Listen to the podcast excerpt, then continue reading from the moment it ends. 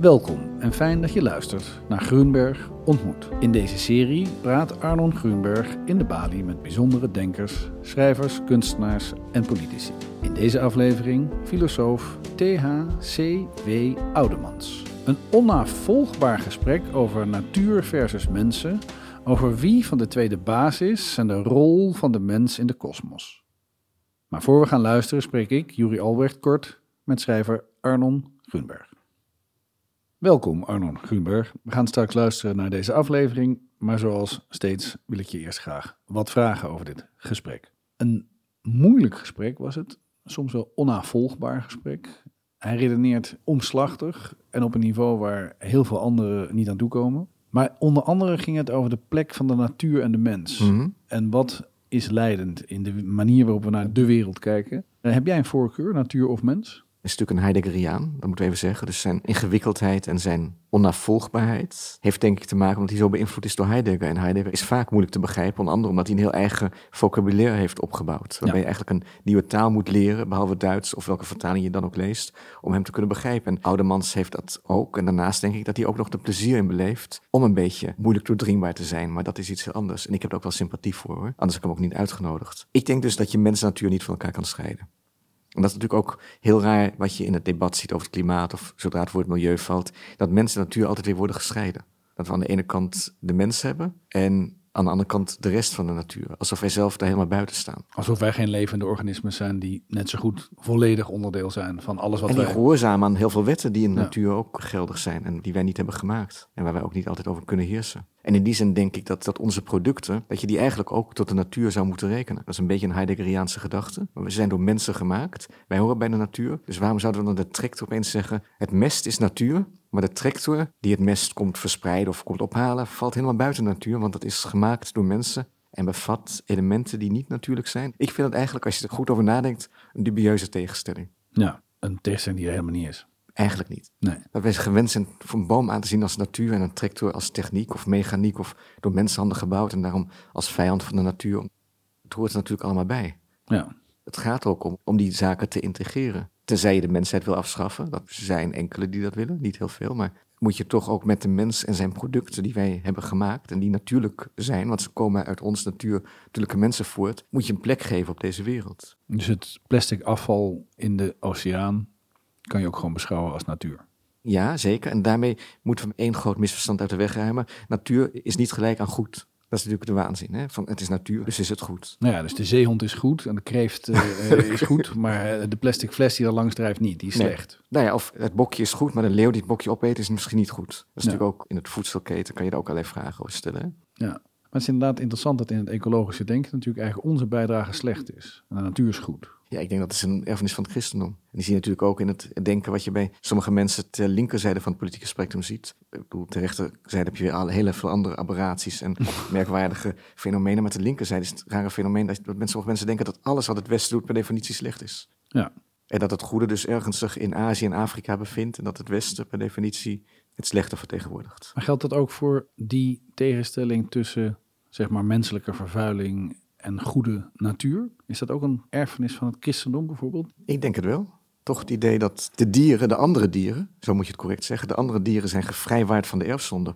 Oh ja, maar wij zijn per definitie schuldig. Ja. Dat is een zeer christelijk inzicht natuurlijk. Ja. Ja. En toch zie je dat zonder, zonder dat het nog wordt gekoppeld aan het christendom, zie je dat natuurlijk wel terug. Ja, een van de redenen waarom het wel nuttig is, zoals jij eerder ook beweerde, om je notie te geven van de geschiedenis van de religie. Zeker. Maar ook om je notie te geven van het feit dat het dier mens zich met, met grote moeite andere dieren van zich heeft afgeworpen en heeft overwonnen. Ja, Dat vind ik toch wel aardig ook aan Oudemans. is Dat hij zegt, we moeten niet vergeten dat hier gewoon... en dat kan je natuurlijk ook hele vervelende en nare conclusies uittrekken. Je kan er ook op sociaal darwinisme mee uitkomen. Maar hij gaat terug, hij zegt op een heel bazaal niveau... is die natuur ook een voortdurende strijd. Ja, En die moet je niet ontkennen, want dat is volstrekt naïef. En het gaat eigenlijk, is dat ook paternalistisch. En je kan het alleen ontkennen vanuit een volstrekt oppermachtige positie. Daar wringt iets. En dat vind ik, daar is hij wel iets op het spoor. Terwijl hij eigenlijk, dat, ik bedoel, heeft een aantal van zijn ideeën en, en intuïties zitten natuurlijk echt heel dicht tegen FVD en PVV aan. Als je daar heel eerlijk naar kijkt. Omdat die onder andere zo nadruk legt op de recht van de sterkste, op de strijd. Op het recht van de sterkste, omdat hij heel sceptisch is over, waar ik tot op zekere hoogte zelf ook sceptisch over ben, over het humanisme, over mensenrechten. Hij zegt al het universalisme, dat is, dat is eigenlijk flauwekul. In die zin is hij ook een antichristelijk denker. Terwijl je ook zou kunnen beweren dat de christelijke inzichten ervoor gezorgd hebben dat we wat humaner met elkaar omgaan. Natuurlijk. Ik vind het christelijk inzicht dat je die bloedvraag moet afschaffen nog altijd een heel goed inzicht. Bijvoorbeeld. Goed, ik begrijp als jij mijn, mijn kind vermoordt, dat is nogal iets. Maar ik begrijp ook heel goed dat het mij niet helpt dat ik dan jouw kind ga vermoorden. Ja, daar wordt de wereld niet, niet speciaal dat helpt mij, Mijn kind komt niet terug. Nee. Ik denk niet dat mijn rouw daar minder door wordt. Heb ik genoegdoening? Ik betwijfel het. Die, die reflex. Die reflex, oog om oog, tand om tand, hè, die Christus afschaft eigenlijk. Heel, ja. Dus je vindt Oudemans in die zin een fascinerend en consequent denker, maar je vindt hem ook een beetje huiveringwekkend? Ik vind dat hij serieus moet worden genomen. Ik vind bepaalde delen van zijn denken zijn huiveringwekkend. En een deel ligt dat aan hem. En een ander deel, denk ik, ligt dat aan de natuur omdat de natuur, dat heeft hij wel goed doorzien, is huiveringwekkend, is chaotisch. Het is niet dat, dat waar de mens eindigt, toch ware empathie begint. Integendeel. Nee. Natuurlijk is er ook wel empathie, dat Frans de Waal, het bestaat, zeker. Ja, de apendeskundige die aantoont dat sommige primaten ook Sommige primaten, ja. ja. Maar ook niet alle primaten. En ook bij de chimpansees komt machtsstrijd voor en moord omwille van de macht. Dus... En de grote delen van de schepping, de natuur, de wereld... Zijn volstrekt onverschillig. Zijn onverschillig en heel gruwelijk. In zekere zin wel, ja. We gaan luisteren naar jouw gesprek met Theo Oudemans.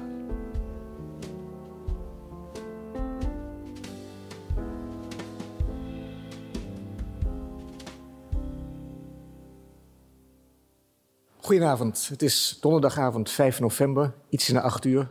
Welkom in een de lege de Bali. Bijna de leeg, bijna helemaal leeg, wat wel toepasselijk is gezien de aard van het gesprek. Want dat zal onder andere gaan over de interne tegenstellingen in het humanisme, waaraan het humanisme, denk ik, als ik mijn gast eh, goed samenvat, te gronden zal gaan. We hebben afgesproken dat ik je mag tutoyeren, dus ik ga je nu voorstellen, als je het ergens mee oneens bent, sowieso, uh, interrumpeer me zo, zo vaak en zoveel als je wil. THCW, oftewel Willem Oudemans, is filosoof. Ja, zeg maar Wouter hoor, ik ga gelijk meteen mee onder onderbreken. Wouter, kom ik bij Willem. Wouter Oudemans is filosoof. Hij werkt als bijzonder hoogleraar en hoofddocent wijsbegeerd aan de Universiteit Leiden. En hij verblijft graag buiten de universiteitsmuren, midden in en met de natuur. Oudemans is een Heidegger-specialist. Mag ik dat wel zeggen? Specialist? Nou, liever niet. Nou, Oudemans is geen Heidegger-specialist. Maar hij, heeft wel, hij doseert wel met enige, heeft over, met enige regelmaat over Heidegger gedoseerd. Hij publiceerde onder meer de boeken Echte Filosofie uit 2007, In Natura 2012, Plantaardig Vegetatieve Filosofie 2014 en samen met je vriend, een vriend, Arnold Heumakers, De Horizon van Buitenveldert, gesprekken over techniek en mediacultuur. En zijn meest recente uitgave, is ook de aanleiding voor dit gesprek, is Moeder Natuur uit 2020. En daarnaast heb je een bestseller geschreven over de intelligentie van bomen, getiteld Plantaardig. Je bent een tijd betrekkelijk intensieve veehouder geweest, heb je me net verteld. Je hebt koeien gehouden, vleeskoeien, in de buurt van Enschede. En je hebt een dinosauruspark in Oost-Groningen genaamd Tenax. Dat klopt. En daar kunnen kinderen en volwassenen naartoe in schoolvakanties. Met uh, veel genoegen, als ze betalen. Als ze betalen. Ja. En ik begreep net, en misschien is dat ook niet helemaal het woord, maar eigenlijk is is de mensen van het dinosauruspark in Oost-Groningen weten niet dat je filosoof bent. Maar de meeste filosofen weten wel dat je ook aan dinosaurussen doet. Klopt nou, dat, dat eh, weet ik niet. Maar eigenlijk heb je een dubbel leven. Ja. ja. Nou, dat, betreft dat... Uh, lijken we op elkaar misschien. Mm, oké. Ja, ik weet niet wat je van mijn dubbel leven weet, maar laten we dat zeggen dat we op elkaar lijken. Ik doe niets met dinosaurussen, maar wie weet komt daar verandering in als ik jouw park heb gezien. Als voorbereiding op dit gesprek schreef je me, want we hebben ook even ge-mailed dat je het belangrijk vond om ernst en vermaak elkaar te houden. En dat een filosofisch gesprek een bepaald soort ernst veronderstelde. Ja. Maar je stuurde me ook een tekst die je geschreven had, waarin je eigenlijk zegt dat het oude uitgangspunt van de filosofie, dat filosoferen toch een, een, een dialoog is die, die je richt tot iemand met wie je bevriend bent. En het humanisme is een brief aan een vriend. Dat dat, en je beroep je onder andere op de Duitse filosoof Peter Sloterdijk, dat dat niet meer van deze tijd is. Ja. Dat is dood. En dan zeg je, je moet op Lyotard, spreken is vechten. Uh, maar niet echt, natuurlijk. Nee, nee, dat begrijp ik. Maar hoe verhoudt zich dat vechten dan toch tot het idee van een filosofisch gesprek? Ehm, nou, eh, eh, eh, laat ik het zo zeggen. Eh, het eerste wat eh, voor mij duidelijk is, dat is dat een filosofisch gesprek een onderwerp heeft. En het onderwerp, dat is de zaak waar eh, die in het midden ligt en waar je omheen draait, zeg maar. Eh, en dat heeft iets eh, niet vechterigs om, dat, om die zaak te laten liggen, laat ik het zo zeggen. Ehm, maar daaromheen kun je natuurlijk elkaar best in de haren vliegen. En daar, daar is ook helemaal niks op tegen. Dat, dat is, zolang de zaak maar in het geding blijft, daar gaat het eigenlijk om. En tot hoever mag dat, dat in de haren vliegen gaan? Want je zegt ook ergens dat, dat ik schrijf je in deze tekst, ik kan filosofisch niet aanvaarden dat oorlog en geweld onschuldig worden door mijn literaire metafysica. Heb ik dat gezegd? Dat staat hier. Dat Oh is ja. een tekst die je mij gestuurd hebt. De, mijn metafysica? Ik, de tekst, ik neem aan dat dit echt Oh. jouw tekst is. Dit ziet er niet uit als een citaat. In, jou, in de tekst die je mij stuurde. Ik kan filosofisch niet aanvaarden dat oorlog en geweld onschuldig worden door mijn literaire metafysica. Ja, nou dat, maar dat moet een citaat zijn, maar dat geeft verder niet, want dat zou ik zelf nooit zeggen. Maar dat, dat maakt niks uit. Is dat Heraclitus? Ik zie het niet. Het, ziet, het staat niet tussen aanhalingstekens Nee, nog cursief. nou, dus dat- het is. Oké. Het is niet, maar of nou, we gaan onderzoeken of dit, van wie dit afkomstig Ja. is. Maar het is niet, jij zou het nooit over je literaire metafysica hebben. Nee. Nee. En ik zou het ook nooit over metafysica hebben. Althans, ik zou het woord metafysica niet voor mijn eigen eh, manier van spreken in de filosofie eh, aanvaarden. Om de dood eenvoudige reden dat eh, de metafysica datgene is wat zich boven de fysica verheft. Dus dat is eigenlijk het bovenzintuigelijke, Mhm. Platoonse, wat de zintuigelijke wereld overstijgt. En eh, daar zijn wij nou net niet van, want we zijn van moeder natuur. Dus het woord metafysica, dat zou ik liever niet. Dus je, eh, je, kunt, je vindt, je kan, nooit het, je kan nooit het perspectief aannemen van zeg de goden als mens. Ook al is het maar voor even. Doen alsof je boven de zaak zweeft. Doen alsof je jezelf bekijkt. Doen alsof je de wereld bekijkt. En die wereld je niet echt aangaat. Nou ja, dat doe je voortdurend. Eh, alleen filosofie, wat mij betreft, bestaat toch daarin dat je probeert om die neiging om je eh, boven de wereld te verheffen en die eh, zo eens in ogenschouw te nemen, om je daartegen te verzetten. En eh, er wel bij te blijven. Dus eh, eh, de wedstrijd moet eh, wel meegespeeld worden. Zij het deels vanuit de dugout, Maar het is, het is een wedstrijd. Er blijft. eh, er, het kan niet zonder strijd. Nee. Maar eh, het is natuurlijk ook weer niet zo dat je per se met de ander vecht. Eh, eh, primair vecht een filosoof met zichzelf. Als je zegt het kan niet zonder strijd, bedoel je dat dan ook Het buiten gesprek niet, filosofie niet. en het leven niet? Het leven niet. En dat heeft natuurlijk ook hele, hele simpele redenen waarom het niet zonder strijd kan. Kan je die nog even noemen? Misschien komen we er later nog uitvoerig over te Nou ja, spreken. dat, het is heel simpel. Eh, op deze wereld heerst schaarste. En als er schaarste is, dan eh, krijgt de een niet hetzelfde als de ander. Eh, en als dat zo is, dan zal er dus strijd ontstaan. Maar is dat, zie, eh, zie Hobbes. dat is ook een beetje het uitgangspunt van de meeste economen. Dat, dat, dat economie gaat over schaarste. Ehm, maar hoe ver strekt zich die schaarste dan precies uit? Ehm, nou ja, schaarste betekent eigenlijk dat, eh, eh, dat er minder energie, op wat voor gebied dan ook, voor jou ter beschikking is dan je zou willen hebben. Eh, en dat is al heel simpel. Eh, ook nog weer. Hè, het leven is eigenlijk eh, de poging om alsmaar meer wil en macht te krijgen. En eh, helaas, dat lukt niet.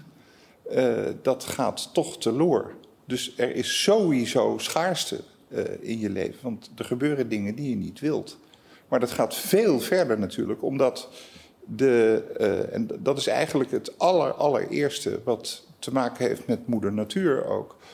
Ehm, het allereerste is dat de aarde, voor zover die door mensen te bewonen is, eindig is. En ja, daar komen alsmaar meer mensen bij.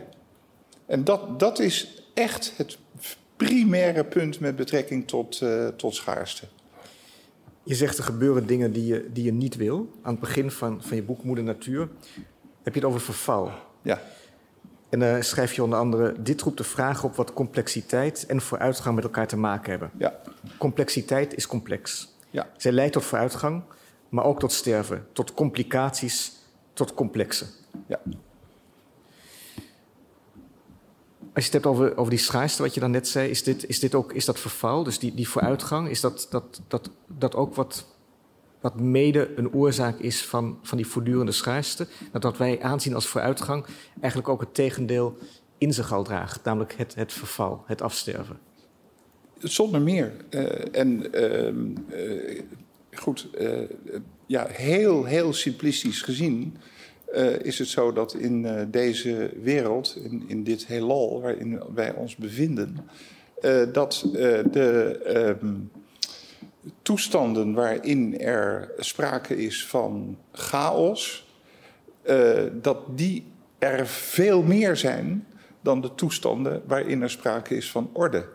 Dus de tendens tot chaos is gigantisch. Tweede wet van de thermodynamica. En leven is eigenlijk niets anders dan een tijdelijke opschorting uh, van de tendens tot, uh, uh, tot verval. Een tijdelijke daar, opschorting? Een tijdelijke opschorting, want het gebeurt toch. want als je zoekt naar harmonie en naar vrede, ja, dan ben je al dood. Ja. Dus, zonder strijd zal het niet gaan, want er zal voortdurend een verschil moeten zijn, wat je weer uh, probeert te nivelleren. En terwijl je dat probeert, ga je, breng je toch je dood weer naderbij. Dat is eigenlijk een beetje de hoofdgedachte. Je, je hebt het in het boek ook regelmatig over, of met nadruk over die tweede wet van de thermodynamica. Ja. Die zegt van die ontkennen is in mijn parafrase levensgevaarlijk of getuigt van weinig inzicht in hoe de wereld werkt. Maar wat jij nu zegt, is zeg je eigenlijk ook het, zeker het hedendaagse gelijkheidsstreven, dat ideaal, wat, wat misschien nu nog zwaarder uh, en nadrukkelijk aanwezig is dan een paar decennia geleden, ja. is ook een streven naar de dood. Is onvermijdelijk een streven naar de dood. Ja, op het moment dat je naar uh, vrede uh, streeft en het lukt ook, en het, je hebt het bereikt, ja, dan ben je dood. Dus bijvoorbeeld al die mensen die zeggen, en ik ga je ook nog straks vragen, want dat wil ik ook nog vaststellen voor we verder gaan. Wat is nu eigenlijk de zaak die tussen ons in ligt? Maar al die mensen die, die zeggen van, en ik hoor daar tot op zekere hoogte bij, dat het succes van de eenwording, of de op handen zijnde eenwording van Europa, die begon met de staal- en kolengemeenschap, toen EEG werd en ja. uiteindelijk EU. Dat er eigenlijk relatief lange tijd in West-Europa vrede is. Ja. Dat we ons niet meer kunnen voorstellen nu dat Frankrijk en Duitsland soldaten ja. naar elkaars grondgebied zullen sturen om met elkaar te vechten. Um, dat heeft ook een dood. Dat, heeft eigenlijk, dat draagt ook bij aan de dood van Europa? Uh, nou, dat draagt in ieder geval bij. Uh, kijk, ik kan niet helemaal voorspellen wat dat allemaal uh, teweeg zal brengen. Wat daar het einde van zal zijn.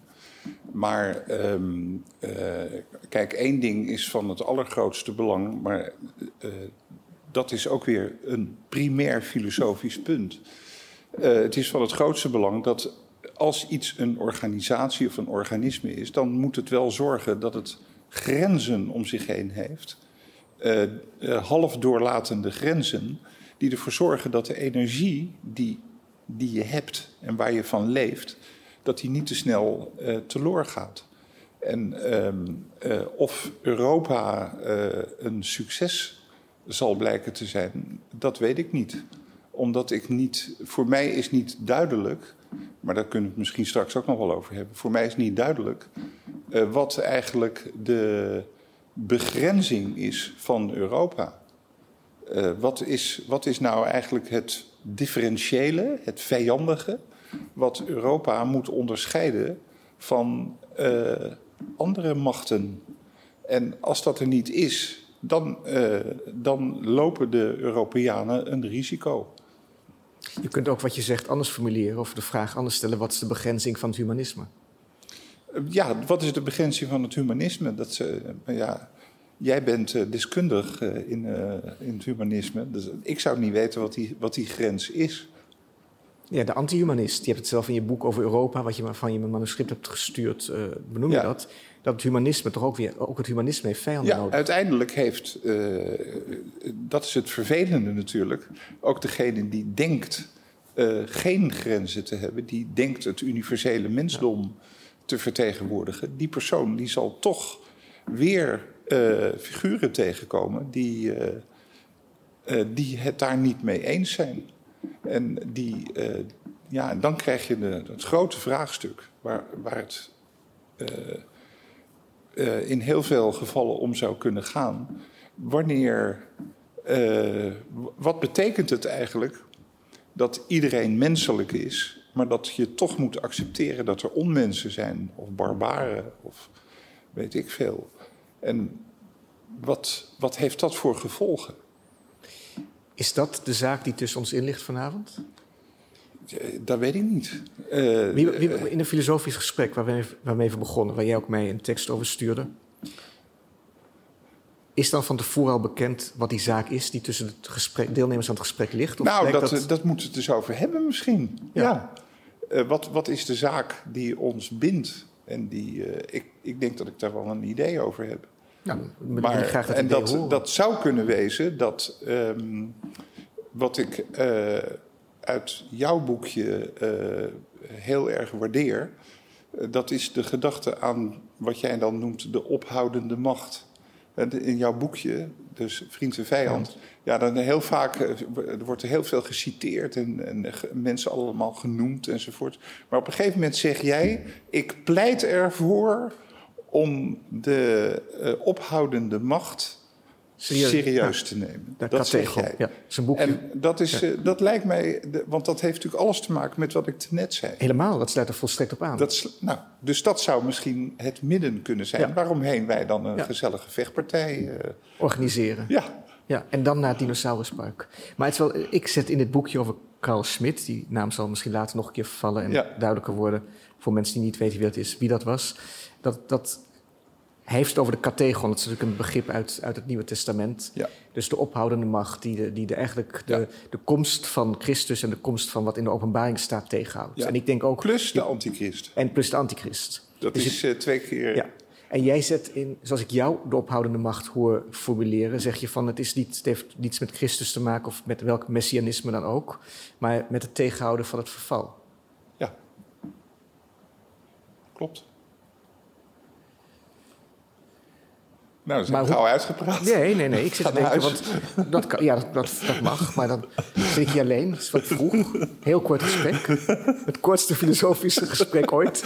Ehm, maar hoe moet ik me dan, dan die, die... Laat ik, het- nee, ik begin met een citaat uit je boek over Rousseau en de mechanisch-wetenschappelijke wereld. Ja, 29, want daar zeg je.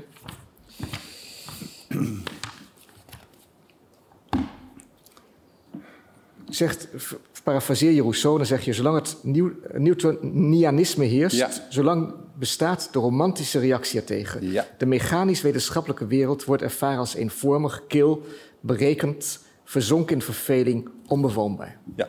Dus we hebben behoefte, dat zeg je ook, aan meer dan puur het brood alleen, om het zo te zeggen. ja we willen, maar ja. ja? Nee, ga door. We zijn, niet, we zijn geen mechaniekjes. Zelfs al beschrijf je ons hier en daar terecht als mechaniekjes. Als... Ja, maar nou, nu moeten we even oppassen dat we niet in een heel eh stroedel van. eh, Begrippen vervallen. ja, nee, maar ook van misverstanden. Oké.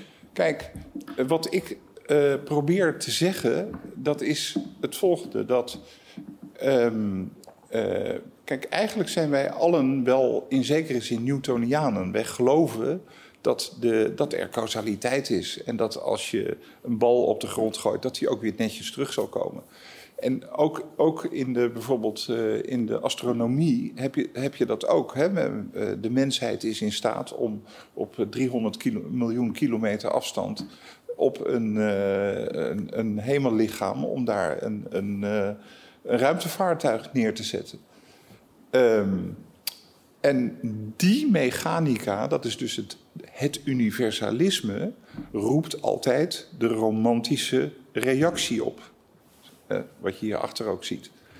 Ehm, maar wat ik zeg is, dat is allebei eigenlijk bezijden de waarheid. Zowel het Newtonianisme als de romantische tegenhanger ervan, omdat inmiddels duidelijk is dat er een heel ander soort wetenschap in opkomst is geraakt, die ook van alles te vertellen heeft over mens zijn, en dat is de thermodynamica. En de thermodynamica die leeft op een totaal andere manier. Om te beginnen is die gewoon stochastisch, dus, dus die leeft met waarschijnlijkheden. En uh, dus vaste wetten zijn er niet meer. Uh, er is chaos, om het even met de ruimtevaart mm -hmm. te, te, te, zeggen. Want zo gaat het bij elk, elke organisatie of elk organisme. Er komt hoogwaardige energie in en er gaat voor dat organisme of die organisatie laagwaardige energie gaat eruit. En dat is afval. En uh, bijvoorbeeld in de ruimtevaart weten we dat ook. De, de aarde is omcirkeld door een belt van uh, afval, ruimteafval. En dat is onvermijdelijk dat dat uh, gebeurt. Maar als je op die manier denkt, dan heb je die hele tegenstelling tussen romantiek, anti-mechanische romantiek en mechanica niet meer nodig. Want je krijgt nu een heel ander soort mechanica, als je dat nog mechanica wil noemen. noemen. Namelijk eentje die, waar jij ook bij hoort. Waar jij ook deel van uitmaakt. Maar eentje waarvan we de wetten niet kunnen kennen. De, de wetten daarvan, er zijn wetten van, alleen die zijn, uh, uh, die zijn statistisch van aard. Bovendien, dat weet jij net, zo goed als ik. Om iets wet, wetmatigs te krijgen, moet je wel zorgen voor hele uh, georganiseerde omgevingen. Maar het lullige is, de meeste omgevingen zijn niet georganiseerd. Dus chaos troef. En wat je dan doet als mens of als organisatie, is daar een, tegen de macht van de chaos, die dus niets anders is dan dat er heel veel meer chaotische toestanden zijn dan geordende, om daar een muur tegen te bouwen. Een, een, en is uh, die muur de ophoudende macht? Die muur is de ophoudende macht. Ja. En die zorgt ervoor dat energie gekanaliseerd wordt. Het heel stom en simpel. Uh, als jij brandstof hebt, dan heb je twee opties. Of je steekt een vat olie in de fik. En dan, dan krijg je één grote uh, brand. Of je laat hem via allerlei omwegen, allerlei categonnen, uh, laat je hem lopen, zodat er een, een auto oploopt. Dus het controleerbare, het controleerbaar maken van wat schijnbaar oncontroleerbaar is, ja. dat, dat is essentieel. Essentieel. En eigenlijk ja. kunnen wij niet anders, zeg je. Nee, maar, maar we kunnen ook niet anders dan mislukken natuurlijk nee, daarin. Want uiteindelijk overwint de chaos weer. Uiteraard, want de chaos probeer je te, te, te, te weg te krijgen, maar die is er. Uh, om de, gewoon ook om statistische redenen. Maar zouden we dan misschien als, ik zal het woord mensheid niet gebruiken, maar als Europeanen, als Nederlanders, als Groningers, als Noord-Hollanders, uh, niet beter eraan toe zijn als we met z'n allen proberen te aanvaarden dat die chaos er is? En zou het dan niet ook wenselijk zijn dat een politicus soms zou zeggen: Mensen, ik kan niet anders doen dan een beetje chaos tegenhouden. Maar er zou ook onder mijn bewind nog heel veel chaos doorheen sijpelen. Dus ga vooral uw gang. Um, ja, nou ja, dan moeten ze vooral dat boek lezen. Uh, en dan misschien dat er iemand dat uh, zou maar is dat, kunnen... Is dat, maar dat, dat is verwacht dat ik totaal niet. Maar zou het Omdat helpen? mensen ervan moeten leven... Uh, dat, ze, dat, dat behoort, dat noem ik in een ander boek, mindsnatchers... Je hebt mindsnatchers nodig om überhaupt te kunnen leven. Als je in het besef van de chaos zit, ja, dan, dan, dan, dan, dan hou je ermee op. Ja, dan stop je ermee. Maar de mens heeft nou eenmaal uh, voortdurend de hoop, en je kunt haast niet zonder, dat je de chaos kunt beheersen en dat het toch uiteindelijk wel weer gaat lukken. Dat we toch het klimaat uiteindelijk uh, voor elkaar kunnen krijgen. Dat we toch de opwarming kunnen tegengaan. Weet ik veel allemaal. En dat, dat is, uh, ja, dat is de, de, de hoop. Maar eigenlijk als ik jou hoor en lees, dan zeg je die hoop is niet reëel. We hebben... Nee, maar je, moet, je kunt niet leven als je, als je wel reëel bent. Daarom is het leven van een filosoof ook zo ontzettend moeilijk. Hè? Want die moeten proberen reëel te zijn, zo nu en dan. In tegenstelling tot andere, andere beroepen? Ja, verder, de, de, de, ik zou zeggen dat verder de hele mensheid. eh, in, in- dat is een woord wat ik eh, wel eens gevormd heb. elpistisch is, dus die leeft van hoop.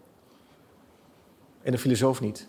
Een, een fatsoenlijke filosoof doet dat natuurlijk wel, maar die moet met zichzelf vechten, zoals ik er net al zei. Dus die, die moet voortdurend vechten tegen de, de hoop die, eh, eh, ja, zoals Aeschylus zegt, eh, de, de eerste gave is die de mens heeft gekregen, zodat hij zijn doodslot niet ziet. Ja. Dus eigenlijk zeg je van, Dat is de Als- Prometheus van Aeschylus. als filosoof kan ik... Ik begrijp dat mijn hoop onzinnig is, redeloos.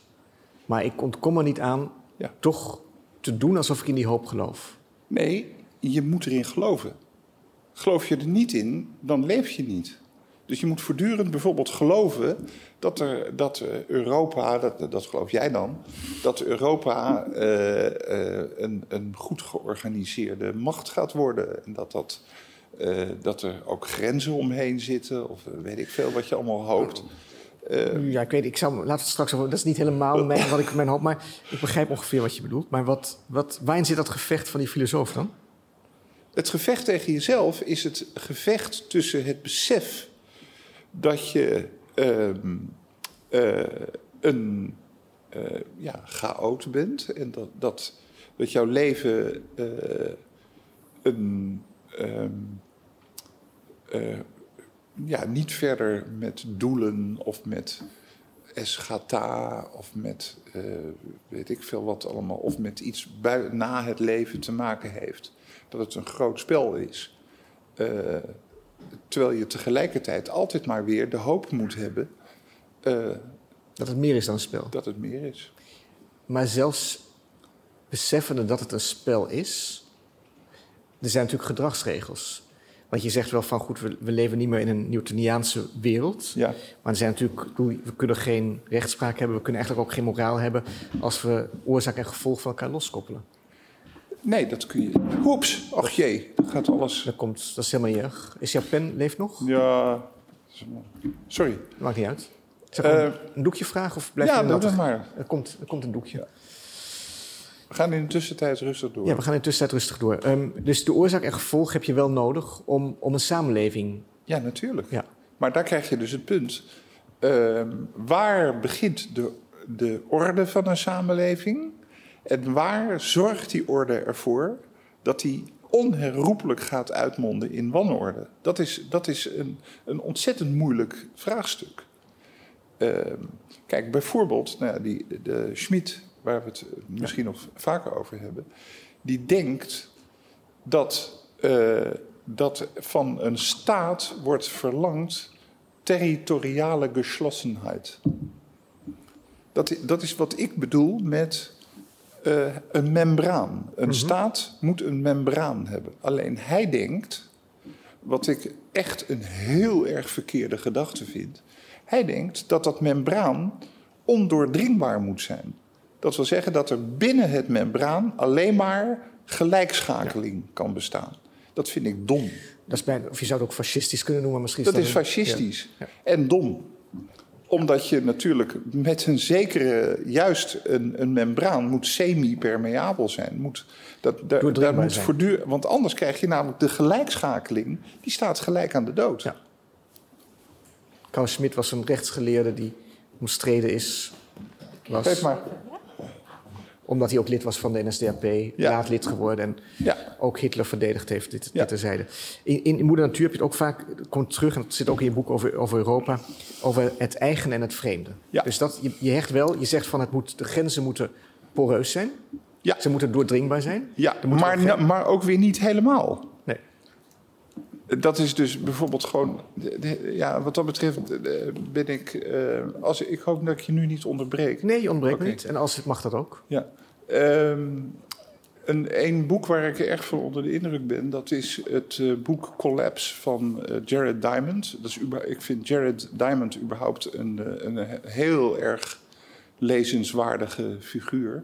Kan je ook voor de- even nog uitleggen wie hij is? Voor de mensen Ja, dat die- is, dat is iemand die eh, ehm, de betekenis van eh, hele simpele dingen, zoals ehm, eh, ziektes en eh, technologische ontwikkelingen heeft gezien waar het gaat om de verhoudingen tussen staten en tussen mensen, et cetera. Eh, dus Guns, Germs and Steel is zijn hoofdwerk. En hij heeft ook een boek geschreven, Collapse. En daarin zegt hij, ja, kijk, ehm, het is gewoon ondenkbaar dat de hele wereld, alle uh, mensen die deze wereld bewonen, dezelfde uh, welvaart kunnen krijgen als nu de mensen die de Verenigde Staten en Europa bewonen. Dat kan niet, zegt hij, want de aarde is, kan dat gewoon niet dragen, die kan dat niet hebben. Nou, als dat waar is, dan heb je grenzen nodig. Akkoord, dat wil ik erkennen. Ik denk of je gaat te gronden. En het is niet zo dat ik bepleit om niet te gronden te gaan. Ik bedoel, ja, god, dan ga je te gronden. Dat, dat, is, eh, dat, dat maakt jou niet uit? Nou, zolang ik zelf maar nog maar de, de gelegenheid heb om, om nog even de dans te ontspringen. en je kinderen misschien. Oké, maar goed, eh, over, u bent ook geen politicus over de vraag of de EU grenzen heeft of niet. Dat is misschien niet aan de orde van vanavond. Nou, dat, dus ik, ik denk wel. dat de thermodynamica direct rechtstreeks uh, betekenis heeft voor wat je gelooft wat Europa is. Jazeker.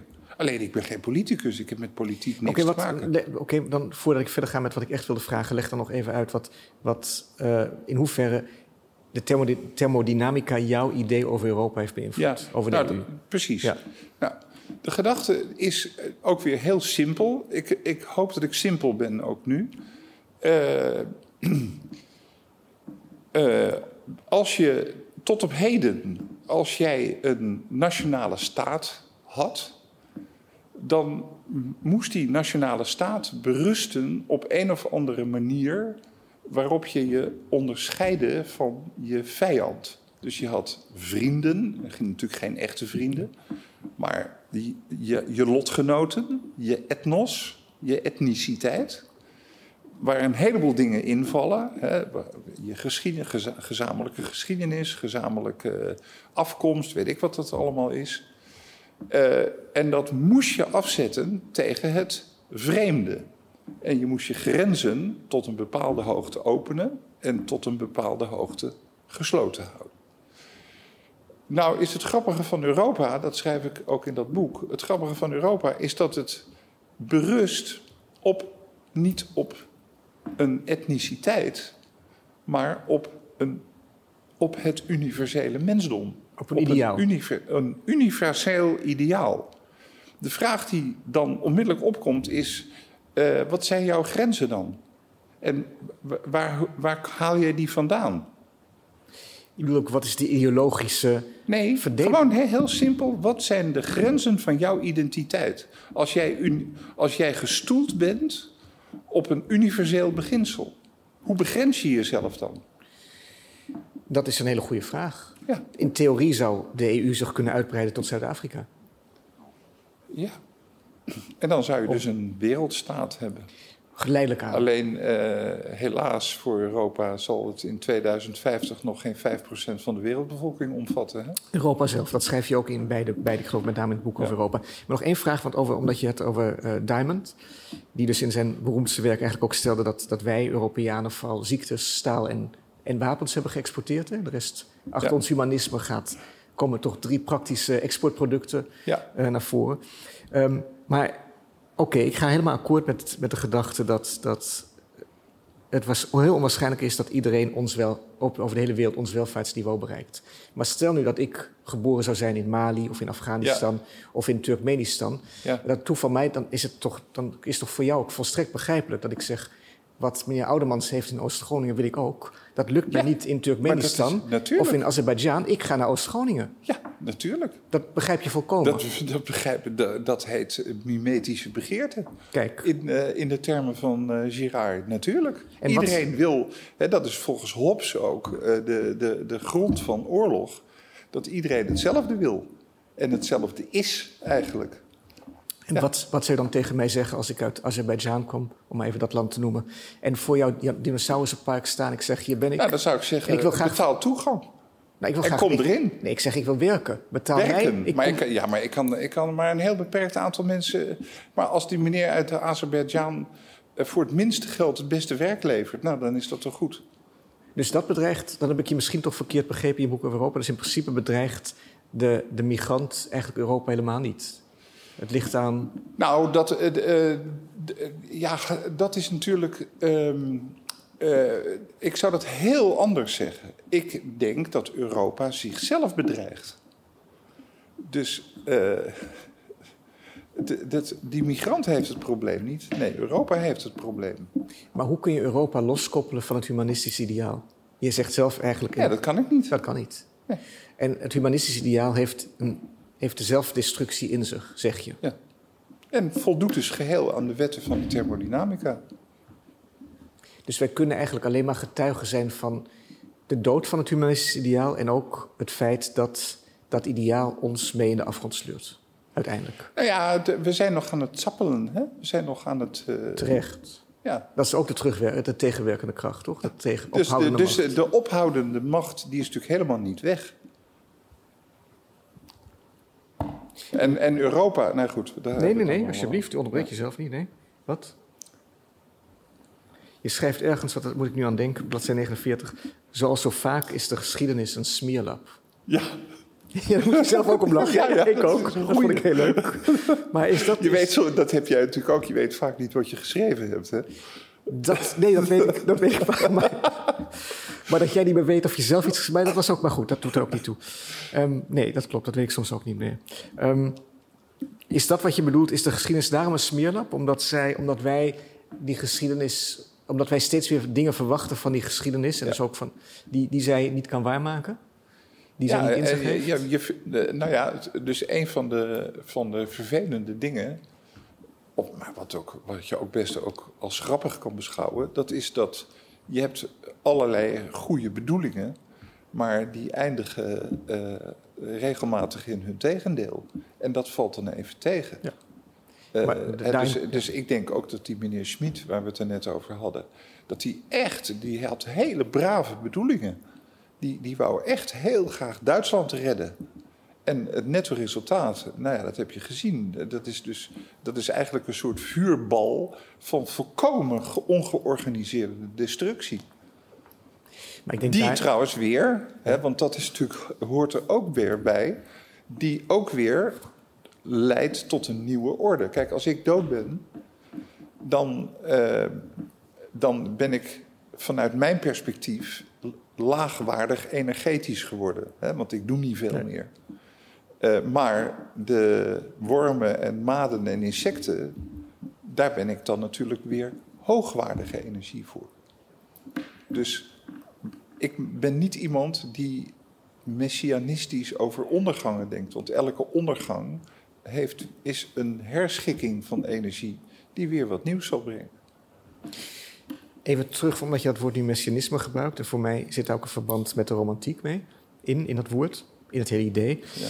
Het feit dat wij in die thermodynamica leven, of dat wij met die tweede wet moeten leven, Ja. heeft toch onze behoefte aan romantiek niet, niet danig ondermijnd? Alleen kun je zeggen dat die tegenstelling Ja. tussen hier de romantiek en daar het mechanische wereldbeeld, dat die tegenstelling niet meer bestaat. Nee, maar daarom is de romantiek ook verschrompeld tot een eh, literair verschijnsel. Dus de, de- de- het, heeft een heel weinig, eh, het heeft heel weinig zin om eh, ja, romantisch te, te, terug te verlangen naar, naar een betere tijd of naar de, Ja. de tijd van voor dit. Eh, dat- Zou een dat- utopie ook romantisch kunnen zijn? Zou een politieke utopie romantisch kunnen zijn, of zo genoemd mogen worden? Nou ja, ik zou dat, eh, ik zou dat eh, het liefst elpistisch willen noemen. Hè? Dus dat is, dat is gevoed Door hoop. door roze-rode hoop. Die echt, want dat is niet zo dat ik daar kritiek op heb, die, dat is de levensadem van het mens zijn. Daarzonder kun, Zeker. kan niemand, ik ook niet hoor. Nee, daar zijn we allebei over eens. Maar je zegt ook heel duidelijk, verwijzend naar Schmidt, die, die hoop, de beste bedoelingen, kunnen fataal uitpakken. Ja. Kunnen catastrofaal zijn. Ja. Maar de catastrofe is nooit zo catastrofaal niet, of er komt wel weer wat. Dus maak je daar nou maar niet te druk over. maken ons te De- druk over er de zijn, apocalyps. De eindtijden bestaan niet. Nee.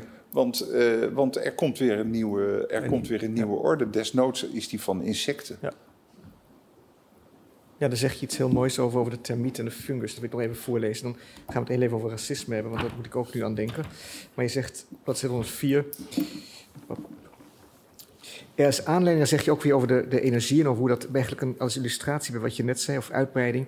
Er is aanleiding om te veronderstellen dat niet de termieten de fungus houden, maar dat de fungus via chemische signalen de termieten Ja. drogeren, zodat zij die heuvels, zodat zij die heuvels bouwen die ze het best van pas komen. Ja. Dus eigenlijk zou je zelfs kunnen denken, nou ja, dat is ook dat, dat wij mensen ook weer door andere wezens Oh, worden God, gebruikt. Wij, wij- wij worden permanent door koeien en varkens eh, gemanipuleerd. Eh, Dat zullen de veganisten eh, niet- niet- niet vrolijk dus van hebt, worden. we hadden het net over de dubbeldoelkoeien. Bij het eten, even voor alle duidelijkheid. ja, tijdens jij, het jij hebt een dubbel, doel- dat mag ik wel zeggen, een dubbel doelkoe gegeten. Een dubbel doelkoe. Die heb ik gegeten. ja. Ik heb een stukje kabeljauw gegeten en pasta. Ja. Ehm, maar de veganisten... Maar de, de, de, de koeien, die, zorgen er, die, die, die, die weten zichzelf via ons als gekken te vermeerderen. Net als honden.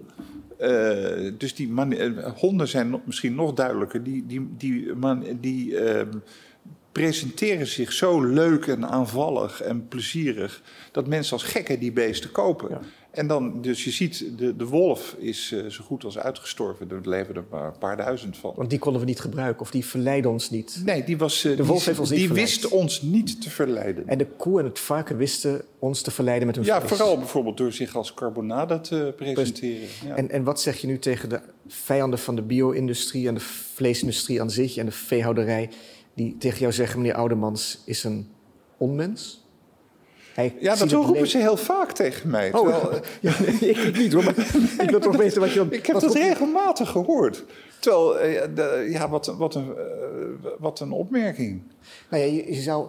Ik, ik zeg niet dat je een onmens bent, maar je kan zeggen dat die koeien, zoals de meeste levende wezens, misschien niet dood willen of misschien in een andere stal willen wonen. Maar, maar zij gebruiken ons om te overleven.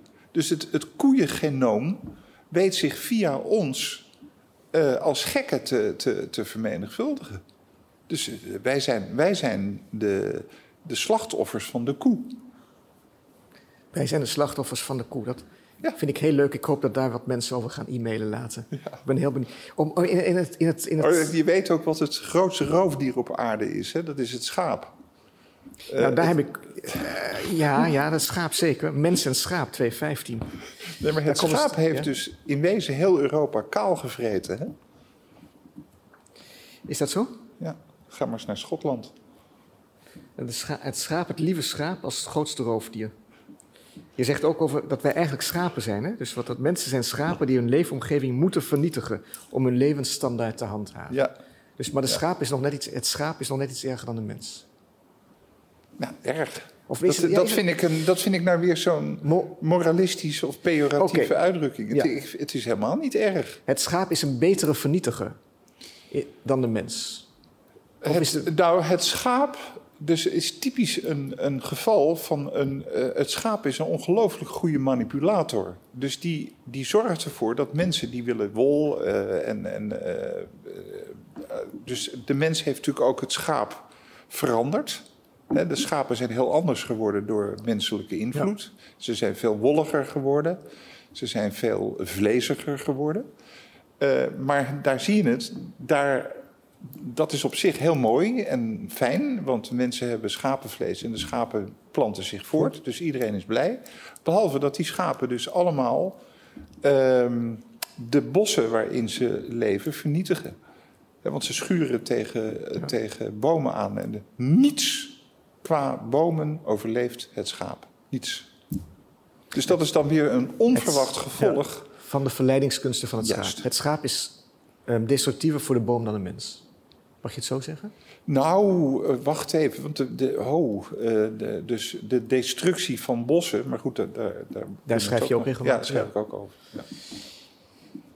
Even terug, want dit we hebben een paar. ehm, dat je zei van je wordt regelmatig voor onmens uitgemaakt. Je, hebt, je zegt ook, ik meen in je boek over Europa, wat nog moet verschijnen. Bij Prometheus komt het uit. Ja. Dat heb je me net verteld. Dat wij allemaal racisten zijn. Dat het eigenlijk dat het onzin is om sommige mensen van racisme te beschuldigen. Dat het onvermijdelijk is. ja, Mag ik dat? Ik, misschien chargeer ik een heel klein beetje, maar toch ongeveer zo stond het. Kan je dat, kan je dat toelichten? Ehm, nou, om te beginnen moet je. Kijk, ehm, ik kan me herinneren dat jij in een van je vorige gesprekken tegen een gespreksdeelnemer zei: Ja, wat jij nu zegt is 19e eeuws racisme, zei jij toen. Biologisch racisme, ja. Ja, Ja. eh, 19e eeuws racisme, zei Ja. je toen. Nou, dus eh, om te beginnen moet je, moet je ontzettend voorzichtig zijn met dat woord. Eh, want dat, dat is zelf een, een hele een moeilijke parasiet die, die de neiging heeft om zich heel snel te verspreiden. Het is een soort COVID-achtig woord, wat eh, ook een steeds groter bereik begint te krijgen. Daar moet je ontzettend mee uitkijken. Eh, dus de, de, er is bijvoorbeeld een boek van meneer Galen over racisme. En dat zegt, ja, eh, racisme is eigenlijk hetzelfde als discriminatie. Maar dan wordt het natuurlijk wel een woord wat zo ontzettend breed is uitgemeten dat het eigenlijk niet meer verschil maakt met iemand die dat niet is. Dus daar moet je, dat is het eerste wat je moet zeggen. Daar moet je ontzettend voorzichtig mee zijn. Maar als je zegt, wat met meneer Galen, ehm, dat, eh, dat het hier gaat over uitsluitingsmechanismen, Mhm. dan is het een onvermijdelijkheid. Op grond van schaarste. Omdat je altijd je eigen mensen, als ik het zo mag noemen, je eigen groep wil bevoordelen ten opzichte van de ander. Nee, dat wil je niet, dat moet je. Dat moet je. Is Want dat, doe je dat niet. Kijk, daar heb je dus als je. eh, ja, kijk, eh, als je humanist bent, ben je dus altijd schuldig. Eh, om de dood eenvoudige reden dat jij het beter hebt dan die persoon die buiten Nederland zich bevindt en die veel armer is. als ik je goed begrijp, in jouw boek zeg je, is dat een recente ontwikkeling van het humanisme. Er was ooit een, je maakt Ja, zeker. sterk nee, maar eerst even dit. Ja. Eh, dus dat, dat is een. Maar goed, het even, dat even, is even een- ook ja, voor de kijkers. Als humanist alles- ben je altijd schuldig. Dus eigenlijk lijkt het humanisme daar heel erg op een bepaald soort christendom. Jazeker, Ja. maar je bent schuldig omdat je, eh, omdat je eh, zeker nu, eh, je bent sowieso schuldig omdat jij iets hebt waarvan je vindt dat een ander het ook moet hebben, maar dat kun je nooit geven, Ja. want dat gaat ten koste van jezelf. De- zo is het. Zou je dan niet ook kunnen zeggen, omdat je net zei dat koeien, varkens en schapen ons verleiden, Ja? dat die schuld ons ook verleidt, dat die schuld ons kennelijk ook iets geeft? ja, wie is ons? De mensen die Jullie. u- Ja, oh, mij, jij bent Ja, want dan ben ik, in zoverre ben ik dan een onmens, dat zegt mij niks. Oké. De humanisten onder ons, of ik dat Ja. niet ben, de humanisten onder ons die zich Ja. schuldig voelen, de humanisten thuis, dag humanisten, ehm, die zich schuldig voelen, die, dat, dat, dat levert ons, humanisten, kennelijk iets op. Nou ja, jullie, jullie humanisten eh, kunnen, ehm, zitten altijd in een spagaat. Want aan de ene kant moet je, eh, eh, ben je universeel, maar aan de andere kant kun je nooit zo handelen. Dus je, je moet hypocriet zijn. Dat kan niet anders. Dat, of elpistisch, hoe je het ook maar noemen wilt.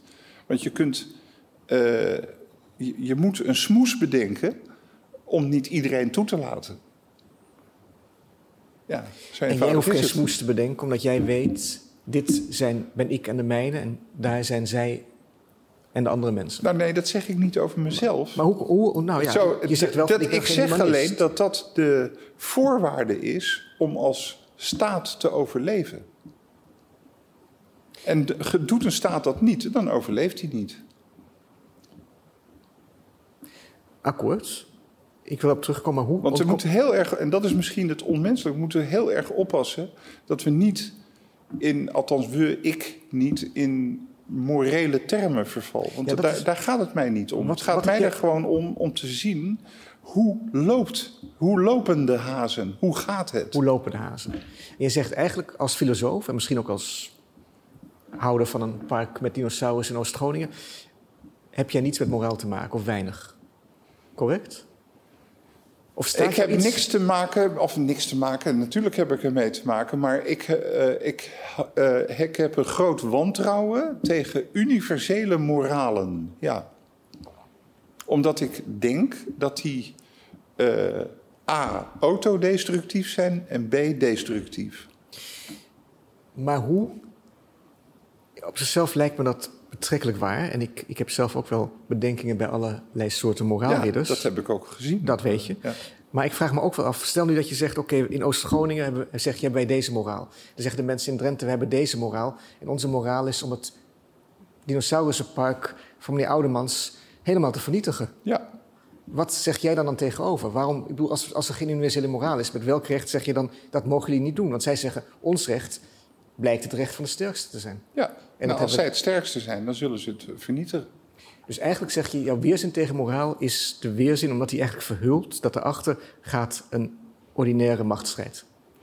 Ja, en dat is niet ordinair, want die, dat geweld of die macht is juist ook eh, bevorderlijk voor alles wat mooi en eh, groeizaam en fijn en cultureel en weet ik veel wat is.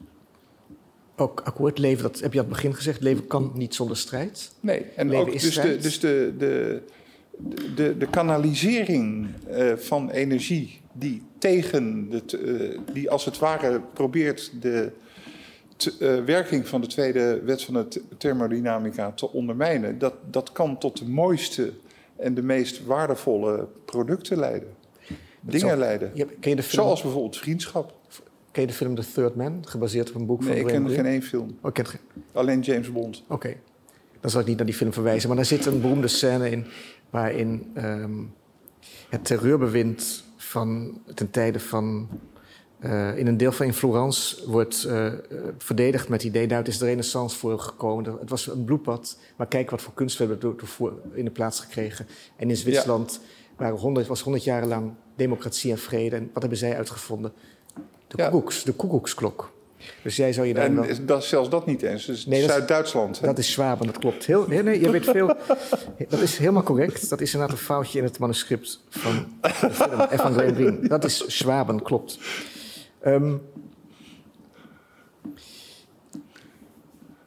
maar toch vraag ik me dan... Ik, ik, ik wil toch dat... Ik begrijp die weerzin tegen moraal, maar... Ik, Nou, je zegt niet ook- tegen de moraal, maar Tegen- tegen, universalistische moraal. Maar hoe... Maar je Want zegt, moraal is normaal gesproken iets wat een gemeenschap bij elkaar houdt. akkoord. Het Ja. geloof, wat je zelf ook schrijft, eh, het geloof in een, eh, gedeeld, ehm, een gedeeld verhaal, een gedeelde mythe of een, een gedeeld, eh, ja, een gedeeld gewelddadig begin. Zeker. Maar Eh, die moraal dat- bestaat in de praktijk ook uit geboden en verboden. En ik vraag Ja. me toch af, van, jij zegt ook nadrukkelijk een filosofisch gesprek. Het is niet de bedoeling dat we elkaar echt in de haren vliegen. Ik denk niet, jij wil niet hier... Nou, dat, dat is wel eens voorgekomen hoor. Ben je fysiek aangevallen tijdens een Jawel, filosofisch gesprek? jawel. En er zijn ook wel mensen flauw gevallen en zo. Ja, er gebeurt van alles en nog wat. Maar dat, dat sta je niet voor, toch? Nee. Ik, je bent, ik Nee. vermoed dat je geen pacifist bent, maar je zegt ook niet, je bent ook geen propagandist. Nou, van- ik geloof niet dat je, dat, je, eh, dat je als je elkaar de tanden uit de bek slaat... dat je, dat je er dan filosofisch heel veel verder mee komt. dus maar het is wel zo dat, ehm, eh, dat eh, als ik, ehm, laten we zeggen, in Nederland wil leven... dan, ehm, dan zal ik toch moeten accepteren dat Nederland zich verdedigt... tegen eh, gevaren van buiten. Maar dat lijkt mij zo evident Zeker, dat is evident. dat, dat, dat je dat niet hoeft te vermelden. Kijk, het is natuurlijk wel zo, Ja. en dat schrijft eh, mijn vriend Arnold in zijn nieuwste boek, Heumakers. eh, ja. Arnold Heumakers, in de boeken Langs de Afgrond. Hij zegt, ja, het universalisme is langzamerhand zo ver verschrompeld... dat het alleen maar een paar Europese landen nog betreft. En voor de rest heeft de hele wereld er niks mee. Dat moet je je wel realiseren. Het is heel raar. De universalist is een dorpsgek. De universalist is een dorpsschrik. Ja. En waarin onderscheidt de universalist zich van de humanist? Want die Ja, twee dat is dezelfde. dezelfde. Ja, dat hebben we ook even. De humanist als dorpsschrik, als, als langzaam uitstervende Ja. dorpsschrik. Ja. Want de vraag is dus, als je, ja, ik, ik lul maar wat. nee, hoor, nee, nee. nee, als, ga- ja? maar als, ehm, eh, als je het nadenkt over de toekomst van Europa, eh, dan eh, is het denk ik heel van groot belang om de ehm, demografie daarbij te betrekken.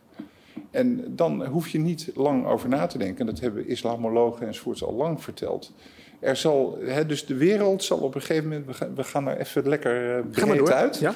Uh, de wereld zal op een gegeven moment, zoals uh, trouwens Schmid dat ook heeft aangegeven.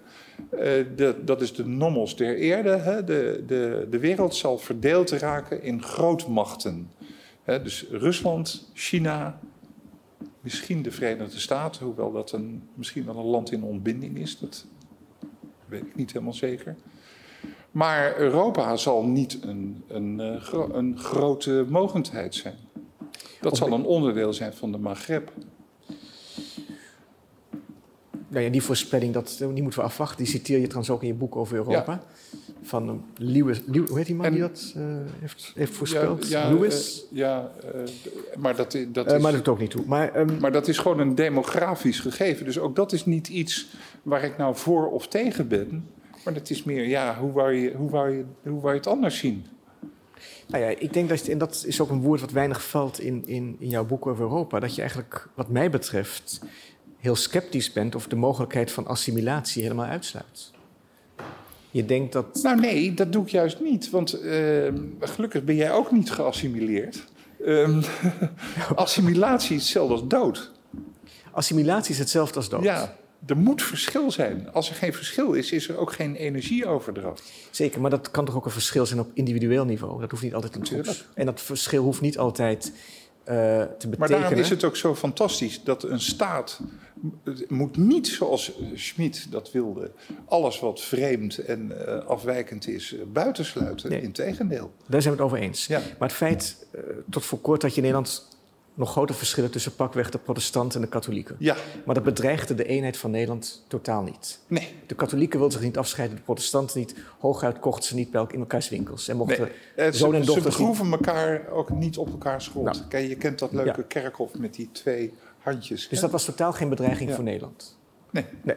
Dus waarom zou een andere geloofsgemeenschap dat dan wel zijn? Uh, dat weet ik ook niet. Uh, de, dus de, de, het is best mogelijk dat uh, degenen die dus op een gegeven moment de meerderheid worden in Nederland... net zo geassimileerd worden als de Nederlanders zelf. Die mogelijkheid sluit ik absoluut niet uit. Maar de andere kans is natuurlijk dat, dat, dat juist de verschillen vanuit de andere kant worden vernietigd. Dat, dat kan ook. Dat kan ook. Dat is een machtsstrijd. Dat, ja, en het kan ook zijn dat die door, de, door degenen die de meerderheid vormen op een gegeven moment, dat die gewonnen zal worden. Dat is in ieder geval een mogelijkheid die je niet Nee, moet niet. uitsluiten. En da, dat is misschien toch een soort taboe of zo om het daarover te hebben. Maar je houdt ervan om taboes niet al te serieus te nemen. Nou ja, als een taboe uh, de zaak uh, van het denken in, in, In de weg gevaar brengt, dan moet je proberen daar uh, Zeker. enige afstand Ja. van te nemen. Ja. Je zei net terecht dat een land de plicht heeft zich te beschermen tegen gevaren van Ja, buitenaf. plicht, dat, dat, woord zal je mij niet horen gebruiken. Dat- Ik zal zeggen, een Het- land kan niet overleven. Oké, een land, we bedoelen Kijk, jij zelf. bent moralist, ik niet. Hè? Dat is natuurlijk toch een belangrijk verschil. Een land, nou ja, je kan zeggen dat als een, als een staat aan haar burgers belooft, dat, dat belooft de staat, we zullen je beschermen, dat ze die bescherming op zijn minst waar moet maken tegen bedreiging van buitenaf. Ja. Maar, en nu, dat was het punt wat ik wilde maken, wij weten dat Nederland al heel lang militair gezien niet soeverein is. Dat Nederland Nee. in de Tweede Wereldoorlog was het binnen vijf dagen bekeken, Ja. Eerste Wereldoorlog neutraal. Ja. Dus eigenlijk is het niet meer dan logisch dat zo'n land als Nederland dezelfde beslissing neemt als een land als Luxemburg of Liechtenstein. Ja. En zegt, zoals heel Europa dat heeft gedaan, wij zoeken onze militaire bescherming elders. Ja. Dat is, anali- dat is Alleen, eh, ja? het is niet zo. Nou ja, het, het was heel Er lang is, zo. geen, eh, er is geen militaire eenheid in Europa. Er was heel lang hadden we de NAVO, toch? Die, Ja, ja maar toch.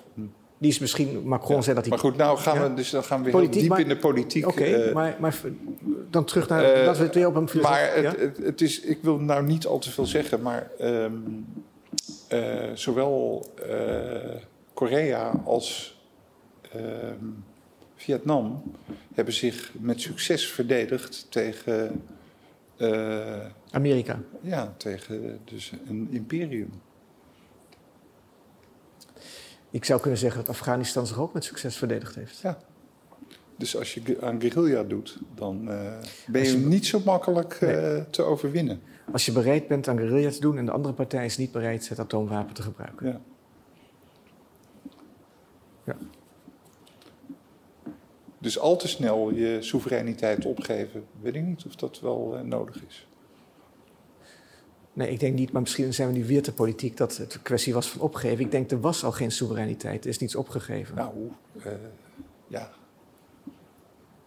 Ehm, eh, laat ik het zo zeggen, misschien was dat wel een illusie hoor, maar in de Tweede Wereldoorlog, dat weet ik ook van mijn familie, eh, was men enorm nationalistisch eh, in, in Nederland. Dus men voelde zich echt door de bezetter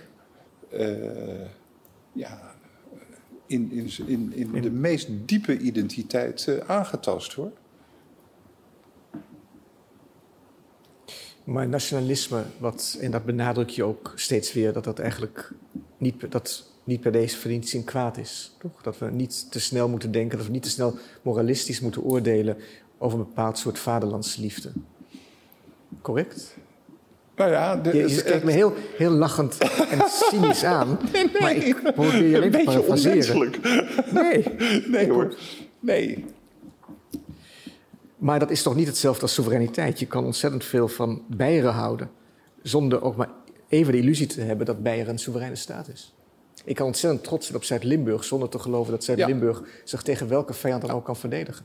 Ja, maar de- absoluut. En de, de, dus wat je niet van tevoren precies weet, is waar de. eh, en dan komen we misschien toch wel op hele belangrijke dingen uit. Kijk, eh, wat, waar zit de eenheid ehm, waar een bevolking, noem ik het er maar eventjes, ehm, vindt dat hij daardoor omgeven is? Wat, wat is de eenheid van een groep, zeg Ja. maar even? En daar denk ik dat we nog weer met de door jou zo eh veelgenoemde Schmid eh, eh, eh, goed moeten nadenken. Ehm, en dat heeft ook alles te maken met ernst. Ernst eh, heeft ermee te maken dat iemand eh, op een gegeven moment bereid is om voor de groep eh, te sterven of te doden. Schmid zegt, als, je, als dat niet aan de orde is, is er ook geen ernst. Zeker, ik denk het spel houdt daarop. Waar het fysieke geweld begint, Ja. heb ik dat, ja. Dat ben ik eh, eens. En jij betwijfelt... Want daar of- heb ik dus, eh, dat vraag ik aan jou. Ja?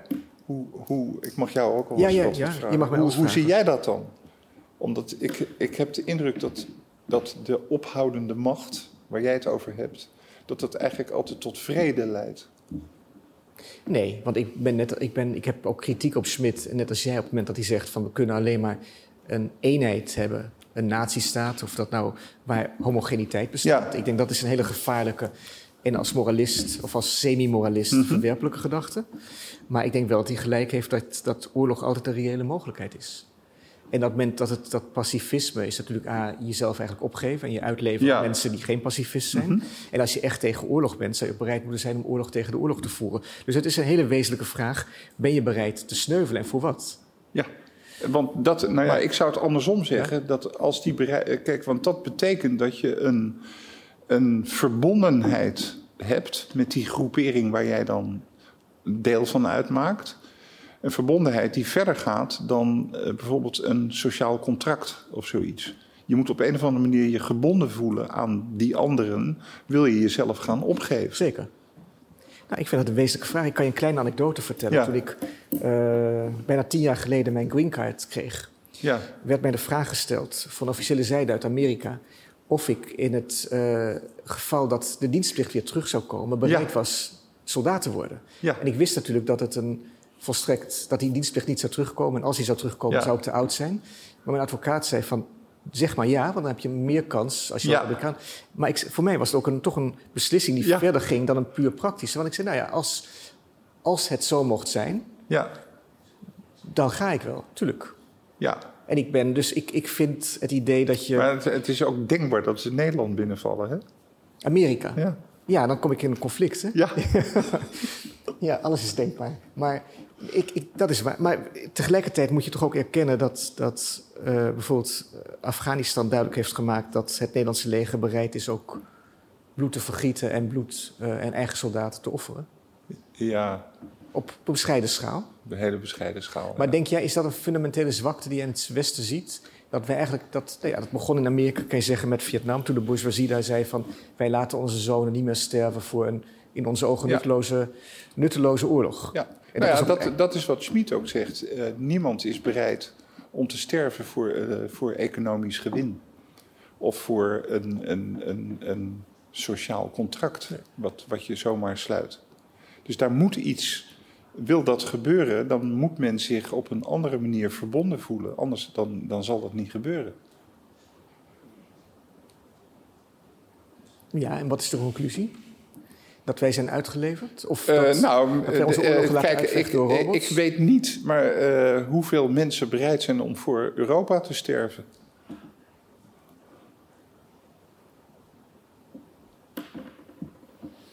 Ben jij in de eerste plaats Europeaan of Nederlander? Nou, absoluut Nederlander. Nederlander.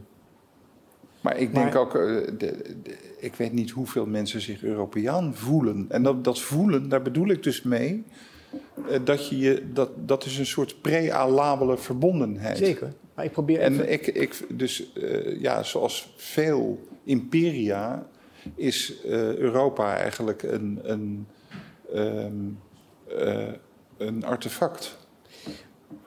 Wellicht, maar ik probeer me even voor te stellen. Laten we concreet zeggen. Ik ben, ik, ik, jij bent zegt, ik ben Nederlander. Ja. Geen Europeaan. We hadden het, dit gesprek in de context werd gevoerd van de vraag van... ben je bereid je eigen bloed te vergieten of dat van Ja. je kinderen? Kan je je voorstellen dat een buitenlandse mogendheid... Duitsland bezet, België bezet, Luxemburg bezet... en zegt, we laten, we laten Nederland maar even met rust. Nou, dat is in de Eerste Wereldoorlog gebeurd, hè? Ja. Het gebeurd. Maar dus de kansen zijn toch vrij... Laat ik het anders zeggen. Als de EU er aangaat, dan wordt Nederland toch mee, meegesleurd. je, kan het toch niet, je kan het toch niet van elkaar loszien? Uh, nee, dat, dat denk ik ook. Dus je bent emotioneel gezien geen Europeaan, maar praktisch gezien toch stiekem wel. Nou, nee. Nee? Maar je denkt, je, jouw lot, als het over lotsverbondenheid mm -hmm. hebt, je zegt toch, mijn lot is verbonden. Lotsverbondenheid, dat vind ik een prachtig woord. Ja. ja. Je kan dan toch niet zeggen, mijn lot heeft niets te maken met het lot van een Parijzenaar, van een, Be van een Berlijnspersoon, van een. Van nee, maar het gaat, het gaat om de, wat Schmid noemt, de ernstval. Hè? Het gaat Ja? om het ernstige geval dat er gedood of gestorven moet worden. Daar gaat het om. En eh, eh, ik, ik weet niet of iemand bereid is om dat voor Europa te doen. Maar het is ook heel wel mogelijk dat niemand dat nog zou willen voor Nederland. Waarvoor zijn Amerikaanse soldaten gestorven in de Tweede Wereldoorlog? Ja, Voor Amerika, voor Europa, voor de vrijheid? Voor... ik denk, ik denk zoiets. Dus zij waren dat wel bereid te doen. Ja, En wij andere tijd. Nou ja, Andere de tijd. Nederlandse, er waren ook enkele Nederlanders die, dat, die daar ook toe bereid En wat was er waren. anders dan die tijd dan? Waarom, waarom doen wij dat nu niet meer? Is, Ja. ons, wat is ons, is ons idee van heldhaftigheid verloren? Zijn wij te hedonistisch? Of is dat een, weer Nou, te niet morele? te. eh, we zijn hedonistisch. We zijn hedonistisch. Ja. We willen leven ten koste, kost, ten koste van alles. Nou ja, Daarover heb je een aardig stukje geschreven. Mag ik dat even voorlezen? Over dat, dat, dat... jullie vervelen je niet, hè? Nou roepen jullie wel, hè? Ja? Als jullie vervelen, ro- roepen. Want, en zijn al e-mails binnen trouwens? Oh, Oké, ik, ik wil even dit stukje voorlezen. Oh ja, de ja, het dat- staat, ja? Het is wel een, eh, een Ja? flink gesprek, dus Ja. nu dan even, Ja, even- ontspannen is ook wel best Maar mag ik even, goed. want dit, dit, is, dit, dit is ook een aardig stukje. De betuttelende staatsmacht waakt over het, individuele, over het individuele welzijn. Die macht is absoluut en tegelijkertijd zachtaardig. Hij zou op de vaderlijke macht lijken, waar het niet dat vaders voorheen hun zonen opleiden tot viriliteit, terwijl de staat een seksloze infantiliteit in stand houdt. De staat breekt de individuele wil niet, maar verzacht, buigt en reglementeert die. De staat dwingt zelden tot handelen, maar verzet zich zonder ophouden tegen ieder individueel initiatief. Ja. Zou dat niet een reden kunnen zijn ook waarom wij ehm, die seksloze infantiliteit, dat, dat, dat daarmee het, het gebrek aan verlangen naar een bepaald soort heldendom, het gebrek aan de wil om jezelf te offeren voor een Mhm. ideaal voor een land. Ligt dat niet in elkaars verlenging? Ja, en dit, dit is eigenlijk een eh, vrij citaat naar uh, Tocqueville, hè? naar uh, de la democratie De- in Amerika. Ja. Eh, dus dit is waar de gelijkheidsgedachte toe kan leiden. Te veel gelijkheid. Nou, niet te veel. Dit is, ja, Maar, maar, maar- dit is zoveel gelijkheid dat, eh, dat, eh, dat er identiteitsverlies optreedt, laten we het zo zeggen. Zoals dat Ja. bij heel veel gedomesticeerde dieren ook gebeurt. Dus eh, dat heb ik ook in mijn boek eh, genoemd. Ik, dit boek, geloof ik. Ehm, dat eh, ehm, de mens zoals de mensen zoals ze nu zijn, zich verhouden tot, laten we maar zeggen, jagers en verzamelaars uit het Paleolithicum. Zoals een koe die zichzelf nu in een eh, eh, hek vastloopt ten opzichte van de oeros. je hebt aan mij geschreven dat je geen nostalgicus bent. Maar zit hier niet iets van nostalgie? Geen wat? Geen nostalgicus. Nee, dat ben ik ook niet. Maar zit hier niet iets van nostalgie in? Nee, want eh, misschien wel, maar want ik, ik heb Maar ik mezelf ben- natuurlijk ook niet in de hand. Nee, maar ik ben, ik, ook, dit is geen moralistische uitspraak. Maar is, dat, is die domesticatie, dat schrijf je eigenlijk ook. Dat schrijf je met zoveel woorden. Dat is toch ook een vorm van verlies? Nou, dat is juist het grappige. Dat, ehm, eh, dat heb ik zelf ook meegemaakt met honden. Eh, dus die, die moet je met heel veel geweld in een eh, ren zetten. En, maar na een paar jaar dan willen ze er helemaal niet meer uit. Dus dan, dan hebben ze ook helemaal geen behoefte meer aan vrijheid. Dus dat is, dat is het komische van, van de betuttelende staatsmacht waar dit over gaat. Dat de, degenen die het betreft is eigenlijk een soort omgekeerde gang uit de grot van Plato. Dit is de, de gang de grot in. Ja. eh, eh, waarbij eigenlijk eh, de, de, het helemaal niet meer gemerkt wordt dat er überhaupt iets verloren is. Ja. Dat, dat, er is helemaal geen. Dus niemand zal eh, in Nederland zal zeggen: God, het is wel nou lullig dat ik helemaal geen heroïek heb. Ja. Daar heeft Wij zijn eigenlijk van. in, in onze seksloze infantiliteit redelijk gelukkig. Ja, dit is, dit is een, een vorm van geluk. Een, een, Die- een klein, een klein paradijsje, mag je het zo noemen? Eh, ja, dat is dan het, het paradijs van de, van de eh, loopstal. Paradijs van de loopstal. Dan wil ik jou bedanken. Ja, ik jou eh Ehm, ik wil meer. mensen, kijkers thuis bedanken. Ik hoop dat u, gezien het gebrek aan haatmail, het allemaal boeiend hebt gevonden. En u weet dus, als u straks uw huisdier te slapen legt...